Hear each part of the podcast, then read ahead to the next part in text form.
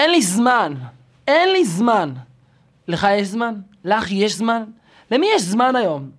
זמן זה אולי המשאב הכי יקר שיש לנו, ואין לנו, פשוט אין לנו מספיק זמן לכל המטלות, לכל הטרדות, לכל מה שאנחנו יכולים לעשות, הכל פשוט מציף אותנו. אנחנו פשוט לא מוצאים רגע פנוי, צריך לרוץ מפה לשם, משם לפה, לארגן את זה ואת ההוא ואת... והיום עובר, ואם היה אפשר להוסיף עוד שלוש שעות ביום, זה גם לא היה מספיק. אז איך אפשר, בעולם שלנו, עכשיו, להתנהל כמו שצריך, להתנהל כמו שצריך בזמן שאין לנו? איך אפשר למצוא את הרוגע ואת הזמן בתוך חוסר הזמן?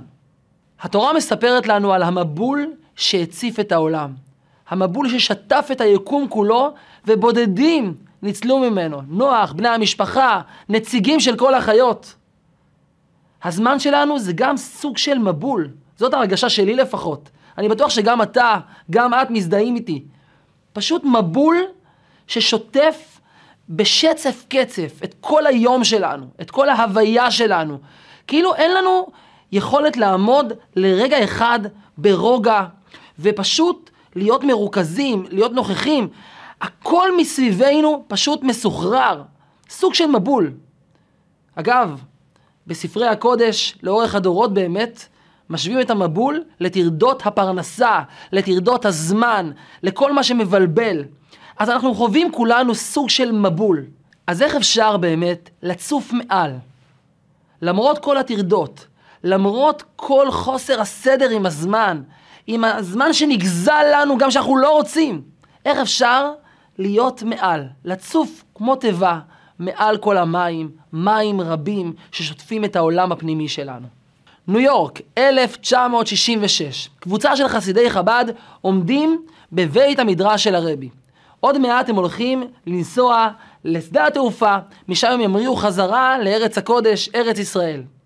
אותם חסידים היו עם הרבי חודש שלם, כל חודש תשרי, חודש החגים. זו הייתה הקבוצה הראשונה שטסה בצורה מאורגנת מהארץ לארצות הברית לחודש החגים, והגיע הזמן להיפרד. הרבי מכנס את כולם ומתחיל לדבר בפניהם דברי פרידה, דברי חיזוק, לקראת פרידתם ונסיעתם לארץ ישראל. התחושה היא לחץ. אתם יודעים מה זה ערב טיסה?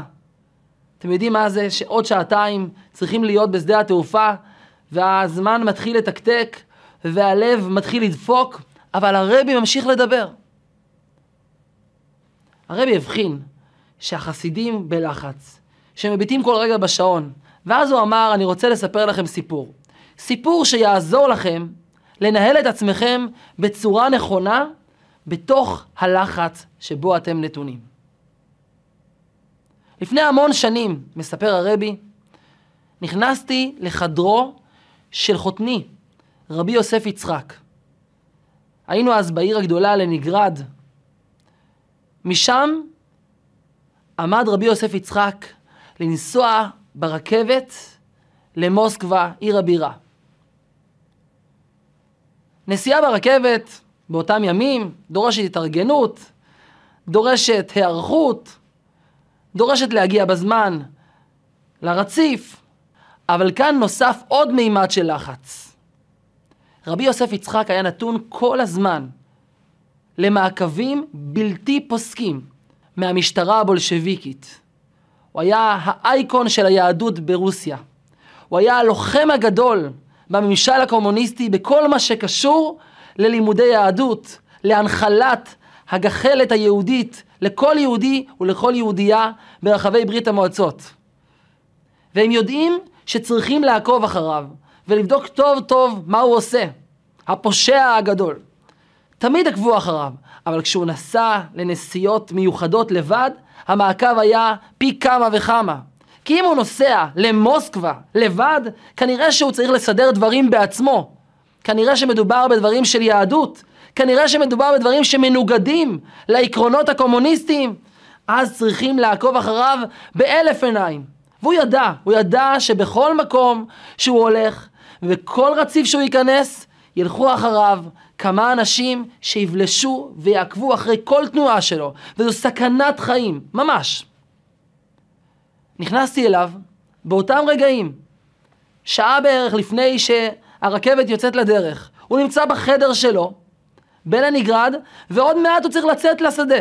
צריך לצאת לרציף. הוא יושב, רגוע, שלב, עסוק באיזשהו עניין שדורש ריכוז, שדורש מאמץ עיוני, כאילו אין שום נסיעה, כאילו אין שום מעקב, כאילו אין שום לחץ, הכל בסדר. איך? איך? לא יכלתי להתאפק, מספר הרבי מלובביץ', ופשוט שאלתי את חותני, מה הסוד?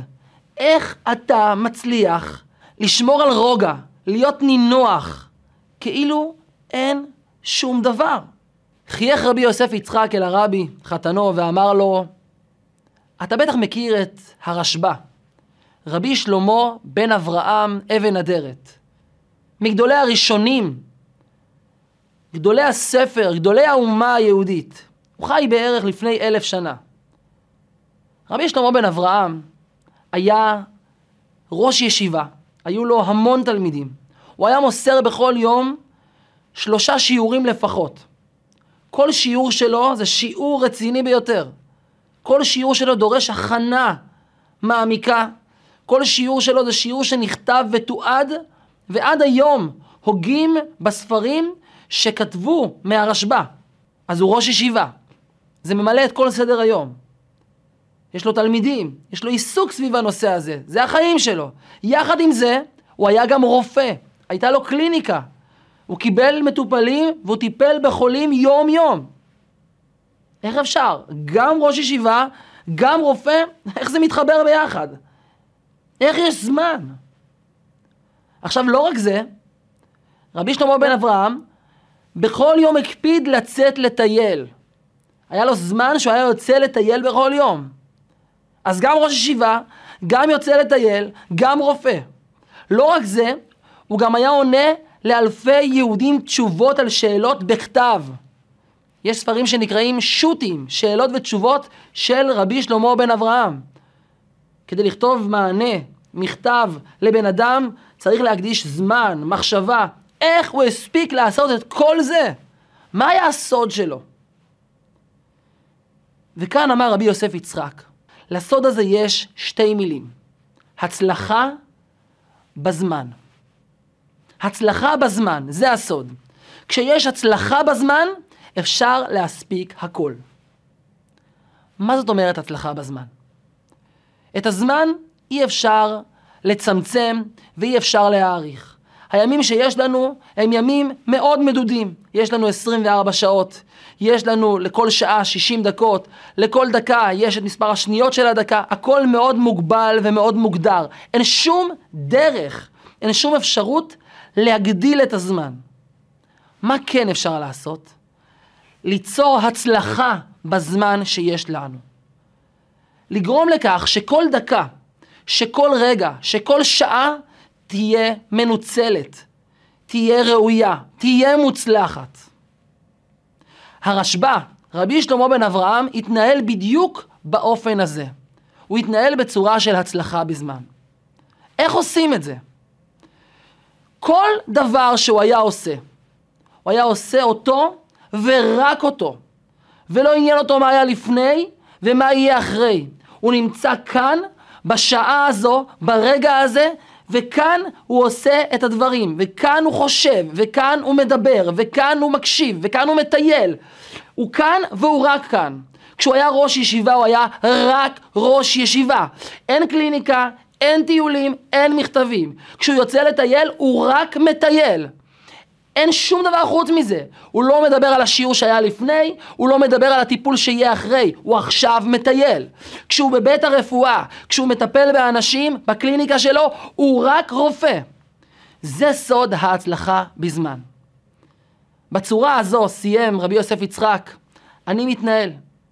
וכשמתנהלים בצורה הזו, יכולים להיות רגועים גם כשנמצאים שעה לפני היציאה לרכבת. וגם כשהיציאה לרכבת היא יותר מורכבת מסתם יציאה לרכבת. כי עכשיו זה עכשיו, וזה רק עכשיו. ואני רוצה שהזמן שבו אני נמצא יהיה הכי מוצלח שיכול להיות. מדהים. הרבי סיים ואמר לחסידים, נכון, יש לכם עוד מעט טיסה, ואתם תגיעו בעזרת השם בזמן לשדה התעופה, ולא צריך להתנהל בצורה שהיא לא מסודרת ומתוקנת. אבל כל זמן שהלחץ והמתח הוא לא קשור לסדר ההתנהלות הרגיל, זה סתם לחץ שמופיע בעקבות הנסיעה. תשכחו מהכל, בואו תהיו כאן. כרגע יש כאן את בית המדרש שבו אתם נמצאים. אין שדה תעופה, אין מטוס, אין טייס, אין שום דבר. יש את בית המדרש. יש את הדברים שאתם שומעים עכשיו. תהיו כאן עד הסוף. בעוד חמש דקות, כשיסתיימו הדיבורים כאן, אז תהיו עד הסוף בנסיעה לשדה התעופה, וכך הלאה. להיות עד הסוף במה שאנחנו עושים. זה כל כך חסר היום. היום אנחנו עושים הכל תוך כדי. אוכלים ותוך כדי נמצאים בסמארטפון. בסמארטפון ותוך כדי חושבים על אפליקציה אחרת. בפייסבוק ותוך כדי חושבים על היוטיוב. כל הזמן אנחנו חושבים על הדברים האחרים. אנחנו לא מוצאים מנוחת הנפש. מקום של להיות כאן ועכשיו. להצליח בזמן שהקדוש ברוך הוא נתן לנו. להצליח להיות בתוך הדקה שבה אנחנו נמצאים. זוכרים את המבול? המבול שהציף את העולם. מה אמר הקדוש ברוך הוא, בורא עולם, לנוח? בוא אל התיבה. היכנס אל התיבה שבנית, כך תנצל מהמבול. רבי ישראל הבעל שם טוב, מייסד החסידות, מי שגילה את דרך החסידות בעולם, מבאר ומסביר בצורה מתוקה את המילים האלה שכתובות בתורה, בוא אל התיבה. מה זה אומר לי? אני לא בונה היום תיבה, אין לי היום מבול, אבל יש כאן משמעות שהיא הרבה יותר עמוקה. תיבה, בעברית אמיתית, תיבה משמעותה מילה. המילה הכתובה משמעותה תיבה. יש לנו הרבה תיבות, זה הרבה מילים. כשאני רוצה ללכת לבית הכנסת ולהתפלל, אבל אני בלחץ, אני צריך לגמור את החודש, אני צריך לדאוג למשכורות לעובדים שלי, אני צריך לדאוג לקחת את הילדים שלי לרופא חס וחלילה, אני צריך לדאוג לנסוע עם אשתי לאיזושהי יציאה זוגית. איך אני יכול להיות מרוכז עכשיו, בתוך התפילה? יש לי מבול, מבול של חוסר זמן, של חוסר שקט, של חוסר מנוחת הנפש. איך אפשר להתפלל? תפילה דורשת ריכוז. כשהולכים ללמוד תורה, זה דורש ריכוז הרבה יותר גבוה. איך אפשר ללמוד בריכוז? הכל פשוט שוטף אותך. בוא אל התיבה. היכנס אל תוך המילה. היכנס אל התיבה. כשאתה מתפלל, כשאתה לומד, כשאתה קורא, תיכנס למה שאתה עושה, תהיה כאן עד הסוף. אין כלום מסביב עכשיו. תשכח מהבנק, תשכח מהמכולת, תשכח עכשיו מההתנהלות בכל המערכות, תהיה כאן עד הסוף. לא להיות חסר אחריות, להיות ממוקד במה שאני עושה עד הסוף. וכשאתה יוצא עם אשתך, תהיה איתה עד הסוף. וכשאתה קורא, תקרא עד הסוף. כשאתה אוכל, פשוט תאכל. אל תסתכל בדברים אחרים. אל תקרא לא עיתון ולא פלאפון, תהיה תאכל. פשוט תהיה במה שאתה עושה עד הסוף. זה נקרא הצלחה בזמן. ולא צריך ללכת אלף שנה אחורה לרבי שלמה בן אברהם. גם הרבי מלובביץ' היה דוגמה, סמל חי להתנהלות כזו. זה מטורף. יש 32 כרכים שיש בתוכם אלפי מכתבים אישיים לילדים, לילדות, לראשי ממשלות, ל- ל- ל- למלכים, לשרים, לאנשים פשוטים, לאנשים רמי מעלה, למי שאתם לא רוצים. שהרבי כתב באופן אישי לכל אחד. אתה אומר, מאיפה הוא הצליח להכניס את כל זה? אוקיי, אז כנראה זה רק מה שהוא עשה. הוא היה יושב כל היום וכותב. ואגב, זה רק חלק מהמכתבים, לא הכל הדפיסו, יש דברים אישיים. נשים את הכרכים האלה בצד, ויש בצד השני של ארון הספרים מאות ספרים של דברים שהרבי דיבר. שעות, אלפי שעות, של דברי תורה עמוקים, דברי חוכמה נפלאים.